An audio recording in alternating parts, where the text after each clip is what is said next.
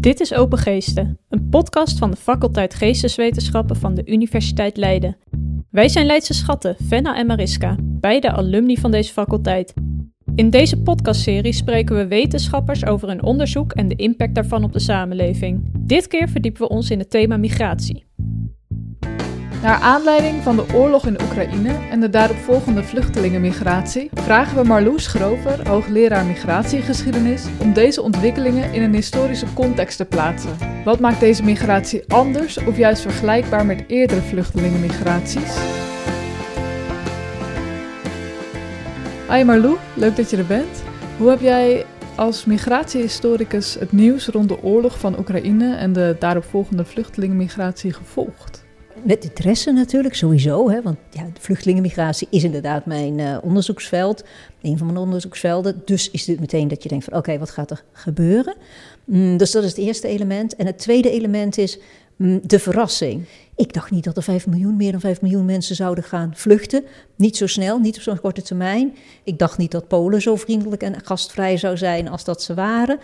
En dat is eigenlijk iets wat je door de tijd heen altijd ziet. Op elk moment zeggen overheden, beleidsmakers, journalisten: dit was verrassend. Dus die vluchtelingenmigratie is op elk moment weer opnieuw verrassend. Dus dat is ontzettend ingewikkeld. Want als beleidsmaker, hoe ga je nou rekening houden met een migratie die altijd onverwacht komt? Wat je mooi kunt zien als je het in historisch perspectief plaatst, behalve dus de continuïteit van de verrassing, is ook dat element van hoe, reageren mensen? Waarbij je uh, ziet dat het toch wel degelijk uitmaakt waar groepen mensen vandaan komen, migrantengroepen vandaan komen. Uh, je zag bij de Tamils in de jaren 80, die komen uit Sri Lanka, merendeels mannen, 80% mannen. Daarvan begrepen een heleboel mensen niet waarvoor die op de vlucht waren. Het waren mannen, ze waren donker gekleurd. Iedereen had zoiets van, nou ik weet niet zeker of dit echte vluchtelingen zijn. Uh, Vietnamees in de jaren 70, daar was een veel ja, warmere ontvangst, omdat iedereen de Vietnamezen kende vanwege de oorlog in Vietnam. 50% van was een vrouw, hè, dus veel gezinsmigratie. Dan zie je kinderen op de vlucht. Dan leidt dat automatisch tot veel meer sympathie, net als bij de Joegoslaven bijvoorbeeld weer in de jaren 90. Dus daar zie je nou hoe, hoe er gereageerd wordt, heeft iets te maken met hoeveel mannen, hoeveel vrouwen. Heeft iets te maken met binnen Europa. Uh, of buiten Europa, Joegoslaven versus uh, Tamils bijvoorbeeld. Het heeft ook alles te maken met kleur en, en, religie. Dus op basis daarvan zie je wel heel mooi, nou ja, mooi, is niet misschien het verkeerde woord, maar zie je heel goed de, nou ja, hoe, hoe, de, hoe die elementen, dus de, de waar komen ze vandaan, kleur, effect heeft op hoe er gereageerd wordt in uh, Nederland. Als we kijken naar de afgelopen 70 jaar, de periode na de Tweede Wereldoorlog, zijn er dan eerder dit soort migratiestromen geweest? Ja, half-half. Het is, het is meest vergelijkbaar met Joegoslavië, omdat dat, hè, dat zijn Bosniërs uh, merendeels, omdat die dus uit nou, binnen Europa migreren en te voet. Iedereen ziet toch, kijk, daar loopt mijn kleinzoon, hè, dat beeld, of daar loopt mijn dochter. Hè. Je ziet mij, jonge vrouwen lopen en je denkt van, je zult er maar lopen. Hè. Dus de mensen kunnen zich heel makkelijk uh, verplaatsen in deze migranten. En omdat mensen te voet onderweg zijn, gedeeltelijk natuurlijk. Uh, en binnen Europa is het ook echt wel dat mensen zoiets hebben van ja, dichtbij. Joegoslavië gold iets meer. in Nederland waren 20.000 Joegoslaven voordat de Joegoslavische vluchtelingen kwamen. Die kwamen als gastarbeidermigranten, dus die waren bekend. En er was veel toerisme naar Joegoslavië voordat Joegoslavië uit, uiteenviel. Dus heel veel mensen gingen naar Joegoslavië op vakantie en hadden zoiets van: wij kennen dit land, wij kennen deze mensen. Dat veroorzaakte dat er, dat er ook wel heel veel sympathie was. Uh, en er waren die Joegoslavische organisaties die er waren, konden gedeelte van de opvang geven. dus die, die zaten hier immers al.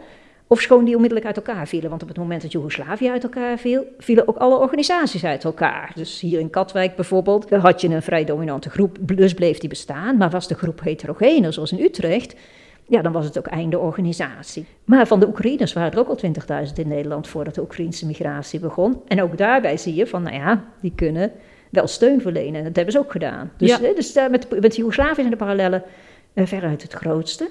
Ja, en zijn er verschillen? Nou, half-half ook weer. Wat ja, een grote overeenkomst, maar tegelijkertijd ook een verschil is. De Joegoslaven die krijgen geen vluchtelingenstatus aanvankelijk, zoals dat geldt voor de Oekraïners nu. Dus uh, die kregen een trooststatus, dat heet een tijdelijke regeling ontheemde. Um, en uh, dat, dat werd gedaan met het idee dat ze anders de, de, procedures zouden verstoppen. Weet je Zo'n groot aantal mensen dat opeens een asielstatus aanvraagt, een vluchtelingenstatus aanvraagt, verstopt het systeem. En dan was het idee, ze gaan toch weer heel snel terug als die oorlog voorbij is. Hè. Dus daar zijn de parallellen met, met de Oekraïnse vluchtelingen natuurlijk heel erg groot. Die moeten ook geen asiel aanvragen. Maar dit is, dat is, het verschil daarmee is dat dit een Europese afspraak is. Terwijl in, bij de Joegoslaven was dit een Nederlands verzinsel. Dus eigenlijk zie je het Nederlandse model nu op Europees niveau toegepast worden. Want het is Vluchtelingenwerk Nederland die zorgt voor de huisvesting van de Oekraïners buiten de COA om. Dus buiten het Centraal Orgaan Opvang Asielzoekers om. Maar dat is dus een politieke keuze dan? Nu is het ook beslist een politieke keuze, want je ziet arbeidsmarktparticipatie wordt heel makkelijk gemaakt. Dus mensen kunnen werken meteen. Uh, kinderen kunnen meteen naar school, dat is bij de asielzoekers die dus via het COA gaan helemaal niet het geval. Meteen naar school, meteen werken. Uh, bankrekening is ook altijd een eindeloos verhaal bij asielzoekers. En de uh, Oekraïners krijgen meteen een pasje van, de gemeente, van, het, van, het gemeentehuis, zal ik maar zeggen. Kun je pasje halen, er wordt geld opgezet. En dan heb je al in feite, als je iets gaat verdienen, heb je je systeem waarlangs je je loon kan krijgen. Dus al die stappen gaan vele malen sneller dan bij de mensen die via het COA worden opgevangen. Uh, en daarmee dus ook de integratie. Want als je kinderen meteen naar school gaan en jij meteen gaan gaan werken, ja, dan ben je al half geïntegreerd.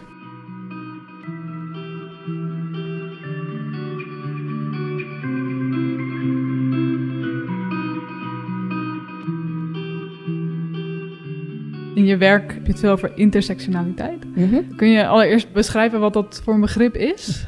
Ja, dat intersectionele, dat intersectionaliteit, dat heeft betrekking dat ik kijk steeds naar, naar, dingen als klassen. Dus zijn dit hooggeschoold, laaggeschoolde mensen.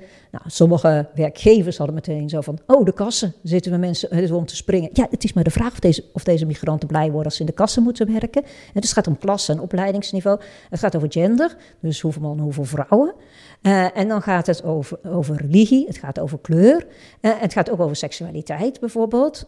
Dus bij de andere vluchtelingen, migraties, zie je ook dat daaronder een groep mensen zit die zich identificeert als LGTB of homoseksueel. en denken van oké, dat is ook een reden om weg te gaan. Niet alleen de, de, de, oorlogssituatie, maar dit is nu ook een reden voor mij weg te gaan. en dat intersectionele betekent dus dat ik naar, nou ja, naar al die velden tegelijk probeer te kijken. En hoe je dan als media, hoe je als beleidsmakers omgaat met al die vormen van diversiteit tegelijkertijd. Dan denk ik meteen aan die schrijnende gevallen van iemand met een zwarte huidskleur die een Oekraïner is, maar niet de grens over mag. En iemand met een witte huidskleur mag wel de grens over. Ja. Is dat daar onderdeel van? Uh, dat hoort er zeker bij. De vraag is of degene die daar aan de grens stonden een Oekraïnse nationaliteit hadden. Maar ze woonden in ieder geval wel in de Oekraïne. Dus wat dat betreft, uh, ja, zit je... Uh, het waren wel degelijk inwoners op de vlucht.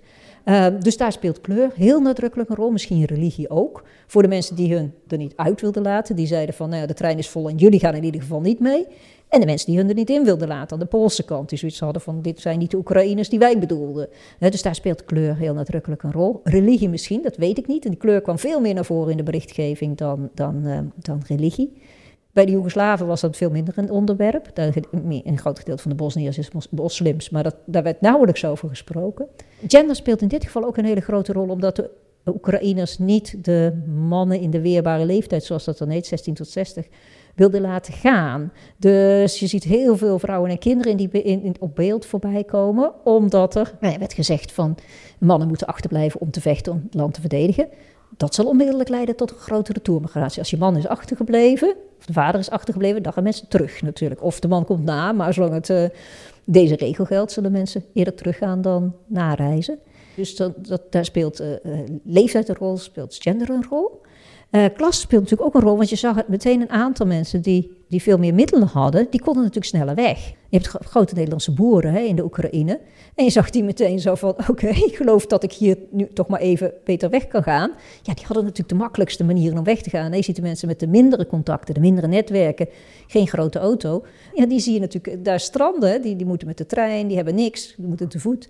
Dus daar speelt, speelt klasse uh, een heel nadrukkelijke rol. En dat intersectioneel heeft dus alles te maken met hoe hou je nou al die ballen in de lucht. Zowel bij het bestuderen van migraties, als als beleidsmaker, als journalist. Hoe doe je dat? Hoe kijk je naar alles tegelijk, zonder daar een beetje ja, een heel plat verhaal van te gaan maken? En heeft het onderscheid dat gemaakt wordt tussen vluchtelingen, heeft dat ook uh, consequenties voor de kansen die zij krijgen in Nederland? Nou ja, wat je, wat je ziet met die arbeidsmarktparticipatie, als je als asielzoeker aankomt je moet via Ter Apel enzovoort enzovoort, dan duurt het heel lang voordat je op die arbeidsmarkt komt. En bij de Joegoslaven, nou, die kregen dus, wat ik zei, zo'n tijdelijke status in Nederland. En die mochten heel, heel erg lang niet werken. En als je dan nog de arbeidsmarkt op moet, dus na vier jaar, drie jaar soms, uh, dan heb je een enorme achterstand opgebouwd. Hè. Dus dan zit je eigenlijk in een systeem een beetje vrijwilligerswerk, een beetje tuinieren of wat dan ook, maar geen werkritme. En om dat dan terug te krijgen na zo'n lange tijd, twee, drie jaar afwezigheid op die arbeidsmarkt, iedereen vindt dat moeilijk, dus vluchtelingen ook. Die vinden het ook heel moeilijk om dan weer terug te keren. Dus dan heb je, eh, als, als je daar niet in valt en meteen wel mag gaan werken, heb je een voorsprong. Idem dito met de kinderen die naar school gaan. Dus hoe sneller naar school, hoe beter dat voor je is. Hoe sneller je een eigen bankrekening hebt en je eigen zelf mag beschikken over je geld, hoe beter dat is voor je zelfstandigheid. Hoe sneller je nou ja, omgaat met je buren in feite. En je ziet bij, bij, bij eh, verschillende zaken waarin mensen opkomen voor vluchtelingen, daar is altijd sprake van, ja, maar die man werkt bij ons op school, dat is de conciërge en wij willen niet dat hij weggaat. Of die kinderen zitten in de klas bij die andere kinderen en we willen niet dat ze weggaan, dat ze uitgewezen worden. Die contacten lever je een voorsprong op bij, bij integratie beslist. Dus als je verschillen maakt, dan heeft de ene groep het wel een stuk makkelijker dan, dan de andere groep. Daar kun je, kun, je, kun je ook iets over zeggen, logischerwijze. Zeg, waarom mag de een nu veel sneller en veel makkelijker en de ander wordt al door de procedure op achterstand gesteld. En er zit ook wel weer een reden onder die procedure. Hè? Dat je bij de Oekraïners wordt gezegd, nou, oké, het zijn mensen uit Oekraïne, daar is oorlog, dat is heel duidelijk. Het probleem waar die overheid dan tegenaan loopt, is dat er ook mensen tussen zitten die helemaal geen duidelijk vluchtverhaal of een vluchtmotief hebben. En die willen ze eruit halen. En dan zeggen ze: Oké, misschien ben je wel die vluchteling die je zegt dat je bent, en misschien ben je dat ook wel helemaal niet. En dan moet je terug, zo snel mogelijk. Dat speelt ook bij die andere migratie, de andere vluchtelingenmigratie, dus de niet-Oekraïners, speelt dat heel nadrukkelijk een rol. Dat de overheid graag ook wil selecteren tussen mensen met een goed vluchtverhaal en mensen zonder dat goede vluchtverhaal.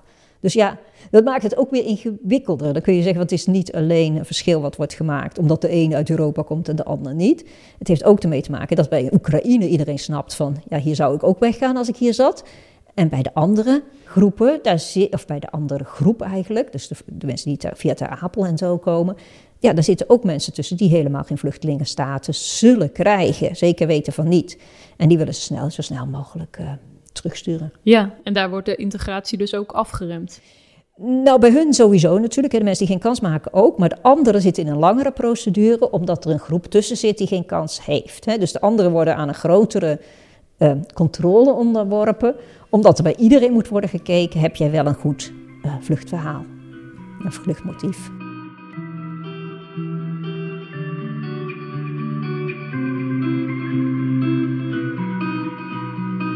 De huidige Oekraïense vluchtelingen worden als slachtoffer gezien. Heeft dat gevolg voor hun positie of hun eigenwaarde? Een vluchtelingenstatus heeft altijd gevolgen voor je eigen waarde. En wat je bij vluchtelingen ziet, is dat ze daar ook eigenlijk snel van af willen. Dus zodra ze eenmaal, hè, dus je bent asielzoeker en daarna krijg je een, een verblijfsstatus. En dat kan humanitair zijn of het kan die vluchtelingenstatus zijn. Maar dan ben je asielzoeker af feitelijk. Dan ben je, heb je een verblijfsstatus gekregen. En als je die verblijfsstatus krijgt, dan wil iedereen eigenlijk af van het label asielzoeker, van het label vluchteling. En dan wil je Nederlander zijn met Iraanse roots of zo, als, als, het, eh, als je jezelf wil definiëren. Want dat vluchteling zijn of asielzoeker zijn heeft een soort ja, uh, slachtofferelement in zich. En niemand wil graag een slachtoffer zijn. Waar ik nog wel benieuwd naar ben, zijn mensen nu misschien zelfredzamer? Want iedereen heeft een mobiel en misschien meer contacten wereldwijd. Ja, er is ontzettend veel kennis van mensen. Hè, dus ze, hebben, kunnen via de, via de mobiel heel veel doen. Ten eerste heb je dus de, mensen die op bootjes in de Middellandse Zee dobberen en nummers van hulporganisaties bij zich hebben. Dus op het moment dat het schip begint te zinken, eh, de boot begint te zinken, bellen ze meteen uh, een van de hulporganisaties, waar ze dus echt de directe nummers van hebben. Dus natuurlijk scheelt dat. Hè. dat heeft het positieve gevolg dat er minder mensen verdrinken. Uh, mensen weten van de routes. Vrouwen die vluchten weten van de verkrachtingen onderweg. Beginnen al bij voorbaat met het slikken van de pil. Wat natuurlijk een vreselijk scenario is. Als je bedenkt van oké, ze weten zelfs de risico's in te schatten. Mensen die achterblijven weten van, nou ja, van, van hoeveel uh, mensen er verdrinken of het niet halen of hoe gevaarlijk dit is. Moeders in verschillende landen zoals Mali en Mauritanië en zo organiseren zich tegen migratie omdat ze zeggen ja we zien onze kinderen verdwijnen en verdrinken. Dus ja, er is, is beslist kennis. van routes, van contacten, van netwerken. Maar langs diezelfde routes komt ook natuurlijk een, soms een schertsbeeld. Of een, en dat zag je in het verleden ook. Mensen sturen een foto van zichzelf bij de Eiffeltoren of voor hun nieuwe auto. Zo van, kom ook, want ik heb het, ik heb, ik heb het wel gered. Uh, dus ook die kennis gaat die kant op. Dus ja, meer kennis. Of het makkelijker is, weet ik dan niet helemaal. Want in het verleden hadden vluchtelingen, migranten ook via brieven en zo best wel informatie over wat je niet mee moest nemen. Wat je moest zeggen op het moment dat je aankwam in een land. Welke verhalen je wel niet, en niet moet vertellen. Ze, eh, wij werken dan met dat materiaal van de IND, Immigratie- en Naturalisatiedienst. En daar blijkt bij die verhoren dat mensen weten uh, wat je moet zeggen om een vluchtelingenstatus te krijgen. Daar klagen dan die ambtenaren over. Weer datzelfde verhaal. Weet je, krijg weer hetzelfde verhaal te horen. Blijkbaar hebben ze al hun verhalen van tevoren ingestudeerd. Die ergeren zich eraan. Um, of dat dan bedrog is, dat is maar, maar een tweede. Want misschien is precies hetzelfde iedereen overkomen. Dat is wat een oorlog soms met mensen doet. Maar ook toen hadden mensen wel, wel informatie over routes, contacten. Het gaat nu wel makkelijker, sneller. In plaats van een briefje heb je een, een, een telefoonnummer. Ja, en geldt dat voor Oekraïners die nu naar Nederland vluchten bijvoorbeeld? Geldt dat ook? Dat die ook zo voorbereid nou die vlucht maken? Of, of zit, zit, dat net anders? zij werden ook hierdoor overvallen. Dus, dus ze zullen nu, degenen die nu weggaan, hebben de koffers klaarstaan. Maar degenen die helemaal aan het begin weggaan, die wisten ook niks. Die zijn vaak op een blinde, ja, blind op de vlucht geslagen, zoals dat met een oorlog gebeurt. Hè. Dus die hadden de koffers waarschijnlijk niet klaarstaan. Mensen, hè, nu dat we vijf weken in die oorlog zitten, staan de koffers misschien wel klaar. Maar de eerste mensen vluchten natuurlijk toch in een soort, soort wanhoop. Maar ja, daarentegen zijn er ook nou, zijn, zijn Oekraïners die buiten eh, de Oekraïne al woonden. Wat ik zei net, in Nederland heb je een, een groep, maar in Duitsland ook en in Polen ook en in Hongarije en uh, Oostenrijk. dus er zijn veel internationale contacten en daar hebben mensen, kun, je, kun dan baat bij hebben. Het is heel leuk om in, in 56 de Hongaren, als die komen, je hebt dus een heel groepje uh, kinderen wat in de jaren 20, 30 in Nederland is komen herstellen van het oorlogsleed in Hongarije.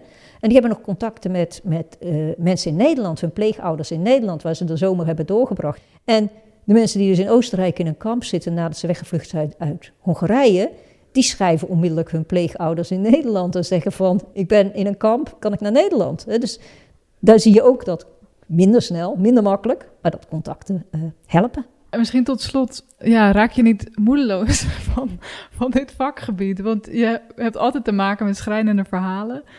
Ik heb het gevoel dat in al die migratieontwikkelingen, ja, vaak weer tegen dezelfde problemen wordt aangelopen. Van die mag wel, die niet. Mhm. Ervaar je dat?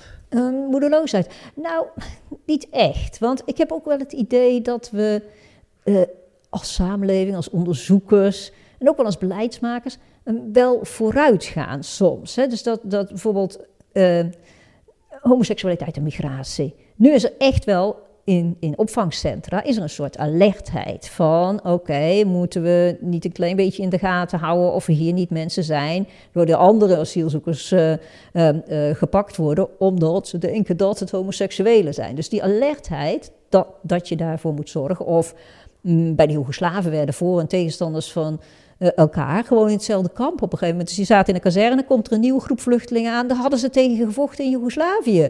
Ja, nou ja, die schrokken zich het apenzuur, die verschenen in uniform, verschenen die nieuwe vluchtelingen. Nou, die mensen schrokken zich werkelijk eh, helemaal uh, rotje. En die hadden zoiets, wat, dat kan je toch mensen niet aandoen, dit. Nou ja, dus, dus daar, daar zie je wel dat dat soort fouten uh, niet meer worden gemaakt. Hè? Dus dat je denkt van, nou oké, het bewustzijn uh, dat je op dat verschillen moet letten is wel groter geworden. Maar anderzijds heb ik ook wel zoiets van het draaiboek uit de jaren negentig is denk ik achter de radiator gevallen, weet je wel. Dan hebben ze heel erg veel ervaring opgedaan, heel veel geleerd over hoe moeten we dit nou wel of niet doen. En dan begint de volgende groep begint weer van nul af aan. Dus, dus we hadden kunnen kijken naar de Joegoslaven wanneer de Syriërs komen. En nu bij de eh, Oekraïners kun je kijken naar wat er bij de Syriërs niet goed ging. En dan denk ik van ja, hm, zo nu en dan is de, ja, de omloopsnelheid ook wat hoog. Uh, de nieuwe ambtenaren waren er niet in de jaren 90 of die waren er niet bij betrokken in 2015. En beginnen vrolijk het nieuw, uh, opnieuw het wiel uit te vinden. En daar heb je wel eens een klein beetje, je denkt van kijk dan toch, kijk dan toch terug. En dat is natuurlijk op zich het mooie, want daar zijn wij dan weer voor als historici. Om te zeggen van, ja maar, kijk als beleidsmaker heb je natuurlijk nooit tijd om ergens naar te kijken. Maar dan kunnen wij als historici natuurlijk zeggen van, ja maar kijk, Dat zagen we ook al. En toen hebben ze het zus opgelost. En dat was niet zo'n goed idee. Of zo, hè, dat lange wachten in die centra was geen goed idee, zei iedereen achteraf. Dus daar kunnen wij natuurlijk wel weer, als onderzoekers, als historici, een belangrijke rol spelen. En dat doen jullie ook? Nou ja, we doen, we doen ons best, laat ik het zo zeggen. Dus ik, dat is wat we proberen te doen natuurlijk. Hè. Te proberen te vertellen steeds van hoe ging het dan in het verleden? Wat is gelijk, wat is niet gelijk? Dus ja, we proberen uh, dat bewustzijn wel aan te moedigen, aan te wakkeren.